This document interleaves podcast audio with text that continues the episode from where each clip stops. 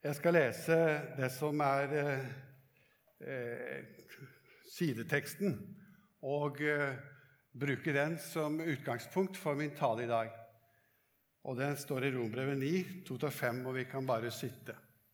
Og så eh, 10, 1-4. Der står det slik i Jesu navn Jeg bærer stor sorg i hjertet og plages uavbrutt. Ja, jeg skulle gjerne vært forbannet og skilt fra Kristus om det bare kunne være til hjelp for mine søsken, som er av samme folk som jeg.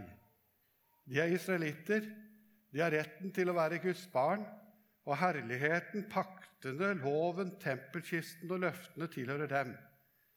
De har fedrene, og fra dem stammer også Kristus han som er Gud over alt, velsignet i all evighet. Amen. Og så er jeg fra 10.1. Mine søsken, jeg ønsker av hjertet og ber til Gud at de må bli frelst. For det vitnesbyrdet gir jeg dem at de brenner for Guds sak, men uten virkelig å kjenne Ham. De kjenner ikke Guds rettferdighet, men vil bygge sin egen rettferdighet. Derfor har de ikke bøyd seg under rettferdigheten for fra Gud. For Kristus er lovens ende og mål, så hver den som tror, skal bli rettferdig. Herre Jesus Kristus, dette er ordet ditt til oss i dag. Nå ber vi om at du må velsigne denne andakten og gjøre det slik at vi får se litt av hva du har å si oss gjennom ditt hellige ord. Dette ber vi om i ditt navn. Amen.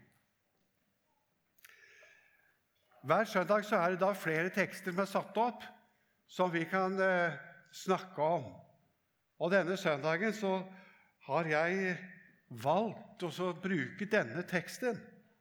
Og det er fordi at jeg syns det var noe av dette som talte veldig sterkt til meg. Og jeg tror også at det kan være noe som har et budskap til oss alle. Tekstene som settes opp når vi bruker det på denne måten, det blir som eh, fyrlys for oss.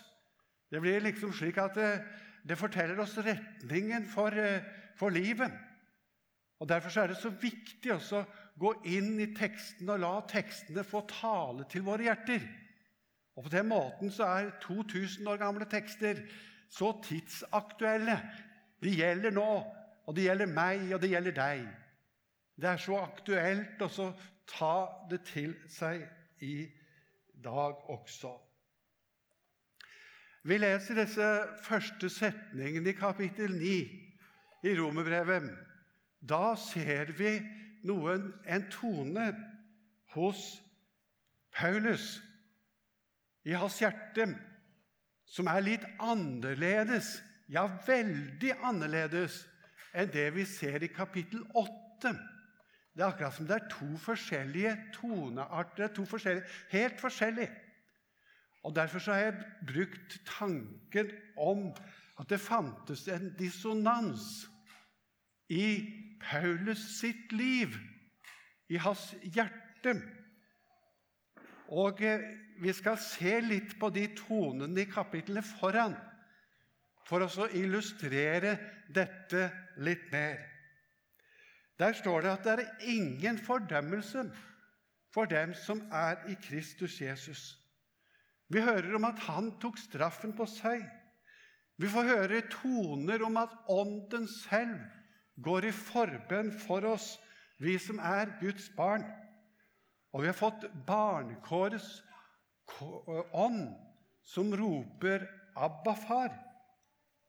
Og Paulus er overbevist i dette kapitlet i det åttende kapitlet at ingenting av den tids lidelse, som vi, det som vi opplever nå, kan skille oss ifra Guds herlighet, eller kan måle seg mot den herlighet som venter Guds barn. Og så lyder tonen enda videre at han går i forbønn for oss. Og så sier han etter hvert at ingen kan skille oss fra dette. Jeg har lyst til å lese for at dere virkelig skal få kjenne litt på denne tonen. Så jeg har lyst til å lese de siste versene i kapittel 8. Der står det Vi vet at alt tjener til det gode for dem som elsker Gud. Tenk på det. Den som er kalt etter Hans frie vilje. Den som Han på forhånd har vedkjent seg, har Han også på forhånd bestemt til å bli formet etter sin Guds sønns bilde. Så han skal være den førstefødte blant mange søsken. Og dem som han på forhånd har bestemt til dette, er han også kalt. Dem som han har kalt, har han også kjent rettferdig. Og den som har kjent rettferdig, har han også herliggjort. Og så kommer det slik Hva skal vi si til dette? Er Gud for oss? Hvem er da mot oss? Han som ikke sparte sin egen sønn, men ga ham for oss alle. Kan han gjøre noe annet enn å gi oss alt sammen med ham? Hvem kan anklage Guds utvalgte? Gud er den som frikjenner. Hvem kan da fordømme? Kristus Jesus er den som døde, ja, mer enn det. Han sto opp og sitter ved Guds høyre hånd, og han ber for oss. Hvem kan skille oss ifra Guds kjærlighet? Nød, angst, forfølgelse, sult, fare eller sverd, som det står skrevet, for din skyld drepes vi, regnes vi som slaktesauer. Og så står det 'vi vinner i alt dette mer enn seier' med Han som elsket oss. For jeg er visst på at verken død eller liv, verken engler eller krefter, det som nå er, eller det som kommer, eller noen makt, verken det som er i det høye eller i det dype, eller noen annen skapning, skal kunne skille oss fra Guds kjærlighet i Kristus Jesus, vår Herre. For en lovsang! For en kraft! Det er en tone helt vidunderlig. Han har fått se inn i den skatten og det livet som vi som tror på Jesus, har. Slik var den høystemte lovsangstonen i hans hjerte. Men det var altså ikke bare denne tonen, denne stemningen han kjente på. Det var en dissonans i Paulus sitt liv. Denne nå er ikke jeg, Dissonans det vet jeg, er et uttrykk som bruker i musikk og toner og sånne ting. Og jeg er ikke akkurat noe kar på det. Så jeg spurte musikkarbeiderne, eller musikkarbeiderne i, i, i Misjonssalen, også Jan Magnus, som driver litt med musikk, hva betyr egentlig ordet dissonans? Og da svarte de at det er når to eller flere toner ikke treffer hverandre Når to eller flere toner ikke treffer hverandre, så kalles det for dissonans. Og slik var det altså med gledestonen i Paulus sitt liv. Men så var det en annen tone som på en måte ikke traff der, som var helt annerledes. Og det er det vi leste i teksten i dag. 'Jeg har en stor sorg', sa han. En stor sorg. Jeg plages uavbrutt. Det var også en stemning eller en tone i hans liv. Hvordan kan det gå sammen med når han samtidig sier at alle ting tjener den til gode som elsker Gud? Og er Gud for oss, hvem kan da være imot oss? Hvordan kunne han da ha en slik sorg? og en slik smerte i sitt liv. Sorgen den var altså så stor at han sa at han gjerne kunne være skilt ifra Kristus. Være forbannet ifra Kristus. Det var enormt sterkt sagt. En veldig sterk smerte, en veldig stor dissonans, egentlig. Og sorgens grunn var at hans søsken ikke kjente Kristus. enda de hadde retten til å Guds, være Guds barn. De er israelitter. De tilhørte barnekåret og herligheten og paktene og lovgivningen og løftene, står det. De tilhørte dette folk. Men allikevel så tok de ikke imot Kristus. For en smerte som han hadde. Så er det da slik, og det kan vi ta med oss, at det er ikke bare denne lovsangstonen som lyder i en kristens liv. Det kan også være smertetoner, og det trenger vi kanskje å ta med oss. Det kan være på forskjellige områder at en kan oppleve denne dissonansen. Paulus hadde det også på andre områder, hvor han sier han hadde en torn i legemet som slo ham. Det var også en slags avstand mellom lovsang og sørgesang som var i livet hans. En sorg og smerte så stor. Og slik kan det altså være for, kristen, for den kristne apostel Paulus.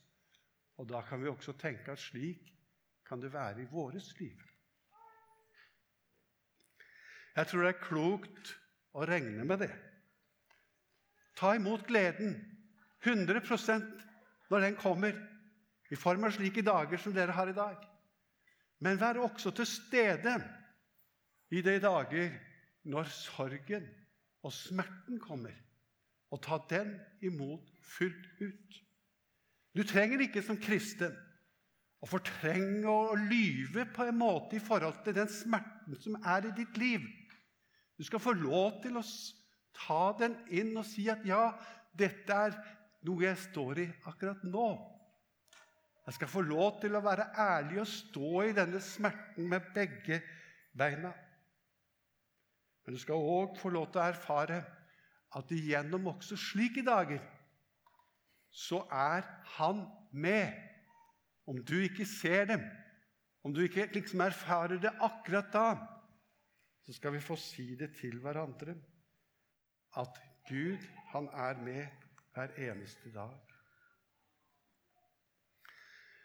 Jeg syns det er vanskelig å forstå det at Paulus kunne si det så sterkt at han kunne være forbannet borte fra, fra Kristus. Bare det kunne frelse folket hans. Det var altså så kvelende smerte. Og eh, i den sammenheng så tror jeg vi må tenke slik at det er litt av Kristi sinnelag som ligger i Paulus her. For Kristus, han var i Faderens herlighet, men ga avkall på det for nettopp å vinne tilbake sitt, eh, sine brødre. Guds smerte er det som ligger i Paulus sitt hjerte. Guds smerte over mennesker som er borte. Det er en kjærlighetssmerte. Han elsket så høyt at han gav sin sønn den enbårne, for at hver den som tror på han, ikke skal gå fortapt, men ha evig liv. Så vi ser at den sorgen, den smerten, som Paulus har i sitt hjerte i denne teksten vi leste i dag, den er en guddommelig smerte. Den har egentlig sitt utgangspunkt hos Gud. Det er nød for de som ikke er frelst. Det er kjærlighetens smerte. Og den kan beskrives som et kors. Kanskje vi kan si det slik som noen før oss har sagt, at det er en kors i Guds hjerte. Og den har vært der ifra tidenes morgen. Og det sies at det var et rådslagingsmøte i himmelen hvor dette var tema. Og så søn, sier Faderen, 'Sønn, er du villig til å ta denne smerten på deg og gå ned til menneskene, bære dette kors, slik at menneskene kan bli frelst?' Det var den guddommelige smerte. Og så gikk han og så ble denne smerte til et kors på, på, på Golgata, hvor han døde i ditt og mitt sted. Og Så står Jesus og spør deg og meg om vi vil ta del i dette, denne smerte, dette kors, og dele det videre, bryte nye grenser, gå ut til andre mennesker med dette budskapet om Gud. Krysse grenser. Gå ut til nye folkeslag. Si til mennesker at seieren på Golgata er vunnet. Han vant den i vårt sted. Jesus, Paulus han oppfordrer oss til å ha det samme sinnelag som var hos Jesus. Og han sammenligner nettopp dette i Filippe-brevet, eller Paulus brev til filipperne, kapittel 2, vers 6. Så skal vi lese der. Han som var i Guds skikkelse, Jesus altså, han så det ikke som et rov å være Gud lik, men han ga avkall på det og tok på seg en tjenerskikkelse og ble menneskelik. Da han sto fram som menneske, fornedret han seg selv og ble lydig til døden, ja, døden på korset. Og Så sier Paulus om dette.: La dette sinnelag være i deg, være i oss. At vi skal være villige til å ta vårt ansvar inn mot misjon. Så den store smerte, den store dissonans i Paulus sitt liv, det var dette at de andre var ikke frelst. Det var smerten. Det var grunnen. De hadde ikke fått del i den rettferdighet som Jesus har tilveiebrakt for oss. Og skal vi spørre også fantes det samme dissonans i Jesus sitt hjerte. Og det har vi lest, hørt om før i dag. Hvor ofte ville jeg ikke samle dere som en høne samler sine kyllinger? Men dere ville ikke. Hva var det? Det var smerte i Jesu hjerte. Smerte i hans hjerte over alle de som har valgt å gå bort fra ham, som ikke vil høre, som ikke vil ta imot. Det er og blir en smerte. Det kan hende at du også har en smertetone i hjertet ditt. Kanskje du har barn, søsken, foreldre slektninger som ikke vil følge Gud, som ikke vil gå den veien. Den smerten kan bli veldig stor. Den kan være veldig tung. Den kan nesten være slik at du til tider så er den helt umulig å bære alene. Det er kjempevondt å tenke på når noen av de du elsker mest på jord, kanskje velger en annen vei, går en annen vei enn det du vet er riktig og best for dem. Der også skal du få stå med begge beina plantet i smerten, i sorgen og i nøden.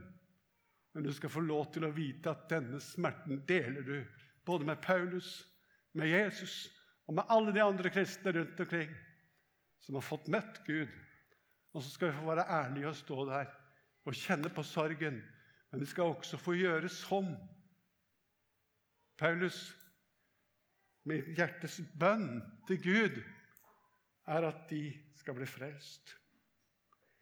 Du som ber for dine barn, dine kjære, er i forbønn fra år og i år etter år. Om du tålmodighets lekse må lære, så skal du vite at det er svar underveis. Engler kommer med bud. Så er det denne smerten som vi må stå i. En smerte som vi har fått ifra Gud, tror jeg. En sorg som ligger der fordi at Gud har gitt oss det som en slags fødselsgave. Det er misjonens smerte dypest sett. At alle må se må få lov til å se det store. At Jesus døde for våre synder. At han har seiret over døden og fortapelse. At alle må få se det. Det er den tvingende smerte som gjør at vi må gå. Alle må få vite. Og kanskje vi kan våge å be som sangeren. Lukk meg i dine smerter inn. For slektens sorg og harm, lukk meg i dine smerter inn og gjør meg sterk og varm. Amen.